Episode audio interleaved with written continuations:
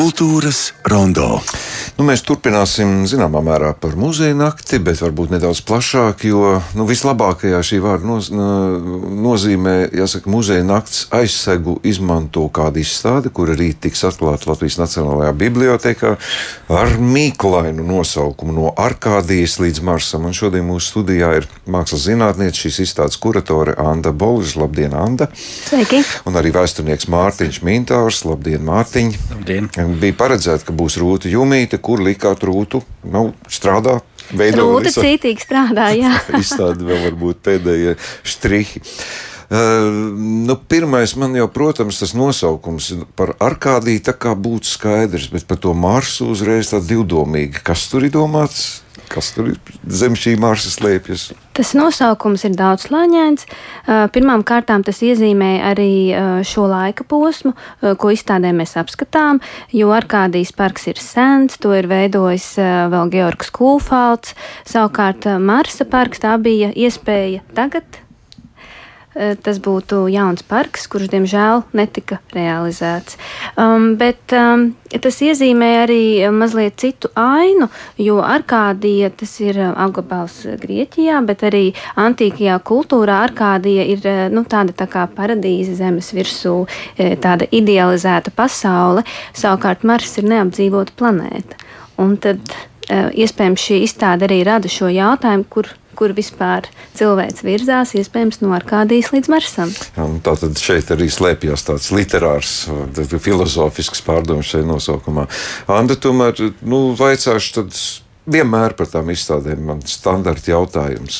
Kur tā ideja? Mēs gan aizkadrā jau sākām runāt, ejam katru dienu caur parkiem, un nekad neaizdomājamies par to, kāda šī vēsture, kas ir parks, parks, koki, aug, viss labi, putniņi čivina kur radās ideja, ka ir nepieciešams izpētīt un arī vēstīt par šo parku vēsturi.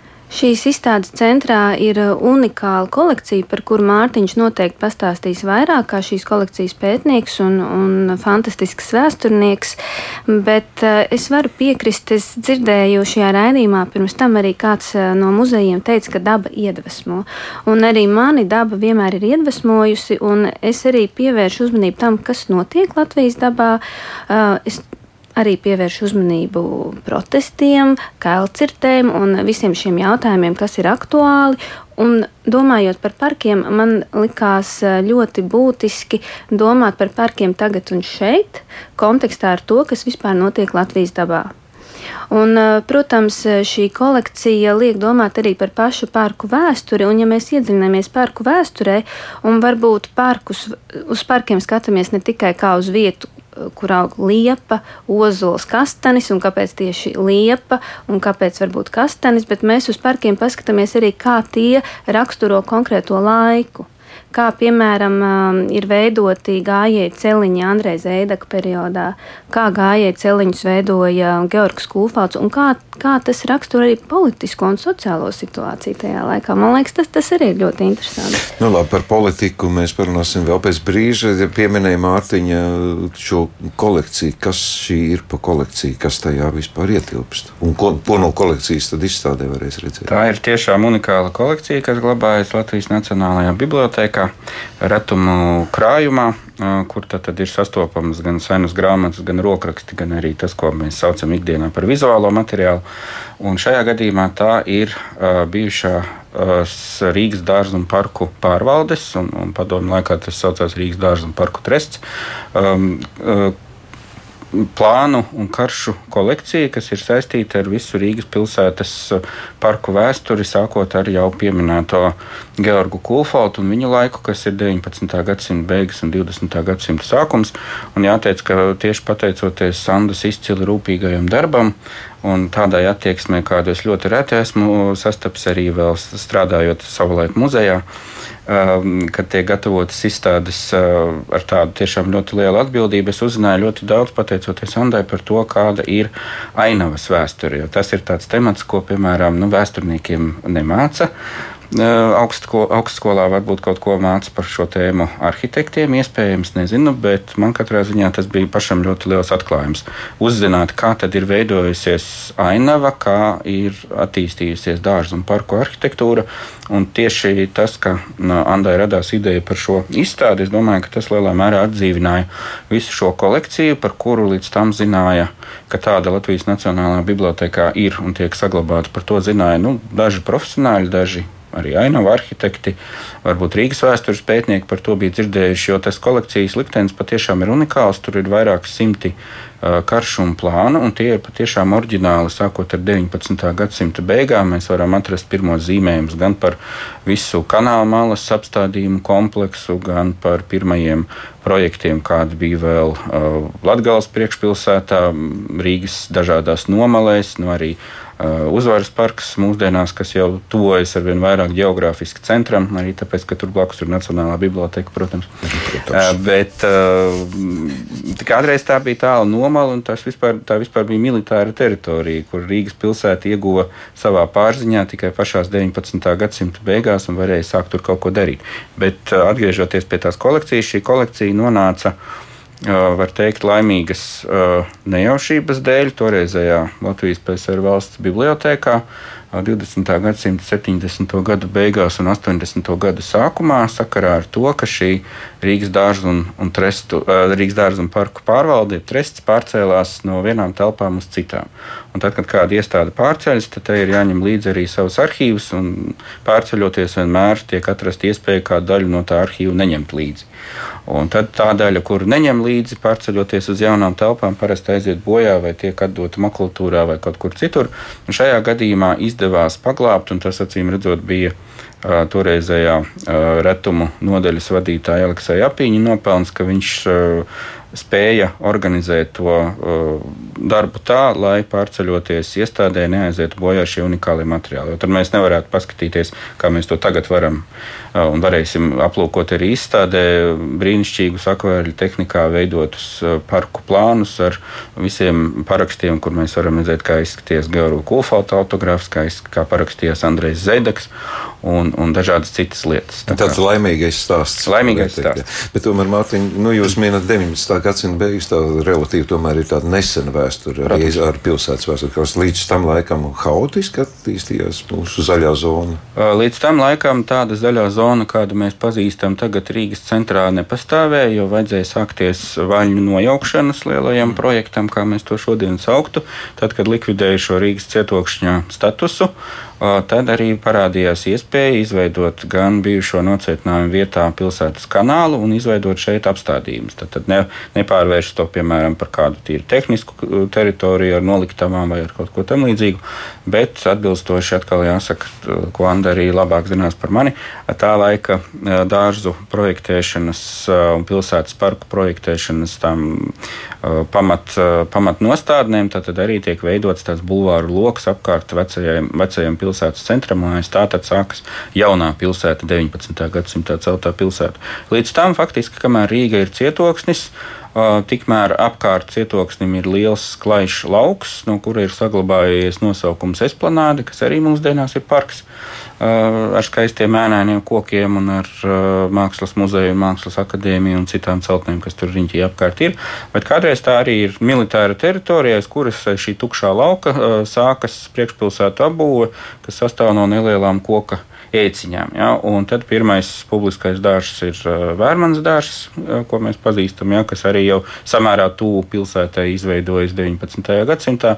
Bet līdz tam tā dārza un parku arhitektūra mums pilsētās faktiski nav. 18. gadsimtā var sākt runāt par to, ka tiek ierīkoti dārzi pie mužām. Nu, mēs zinām, Rundāls pili, kā kurzems hercoga rezidents ar šo milzīgo barokālo skaisto dārzu, bet tas ir tāds absolūts izņēmums. Laik tajā laikmetā nu, Mūžās tā ir vēl, tas ir vēl laikmets, piemēram, starp sakņu dārzu un parku. Mārtiņa, izstādē ir konkrēts laika periods, kaut kur ir apstāšanās. Izstādē ir konkrēts no. laika periods, jā, mēs līdz, līdz faktiski līdz 20. gadsimta 60. gadiem ir tas karšu materiāls, bet tas jau bet izstādes stāsts ir plašāks, ne? Andra? Jā, izstādes, izstādes stāsts ir plašāks. Izstāde veido trīs daļas. Uh, pirmā daļa ir tiešām šī vēsturisko plānu daļa, uh, kur mēs rādām šos rasējumus un, un arī interpretējam tos. Uh, vēl viena izstādes daļa ir par protestiem par protestiem parkos, eh, par protestiem pret koku izciršanu. Un eh, trešā daļa savukārt ir mūsdienu situācija, ko ir veidojusi arhitektīva Zībārte. Un, un tur ir kaut kāds salīdzinājums droši vien pašam jāizdara, vai ne no seniem laikiem līdz mūsdienu situācijai, vai tur ir kaut kas, ko var salīdzināt vispār. Ir mūsdienu plāni varbūt. Es nu, nezinu vienkārši tāpēc.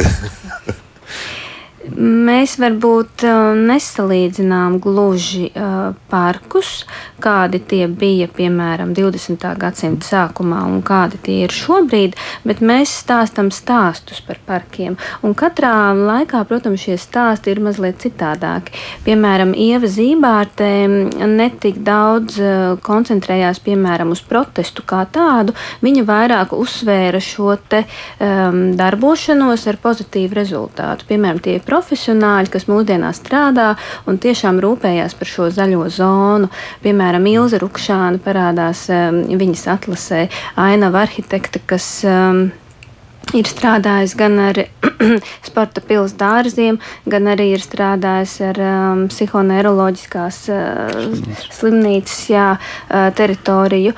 Un, uh, Tās var būt arī tādas, eh, teiksim, pilsoniskas aktivitātes. Mm. Piemēram, viņas eh, atlasē ir arī Oto Ozola ierosinājumi, kā pilsētas ielas veidot zaļākas. Tā kā ir apskatīts, piemēram, arī uzvaras parks un tā iespējamā nākotne.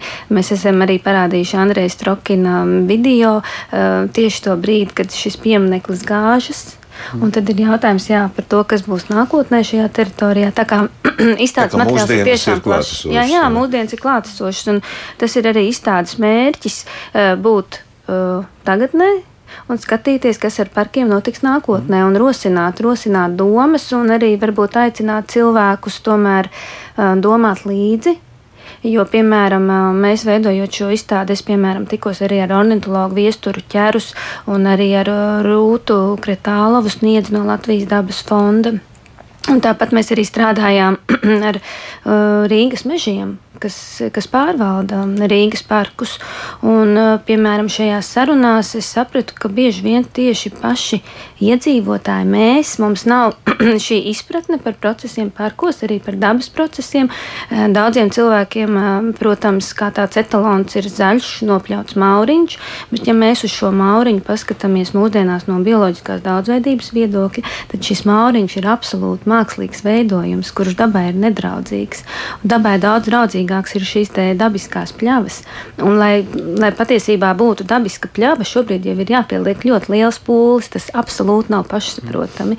Un tāpēc es gribētu, lai šī izstāde kā, nu, vairo izpratni un varbūt arī kā, veicina um, interesi cilvēkos iedziļināties šajos jautājumos. Nu, es tajā pie, izstādes pieteikumā lasu arī, ko mēs pieminējam, politiku.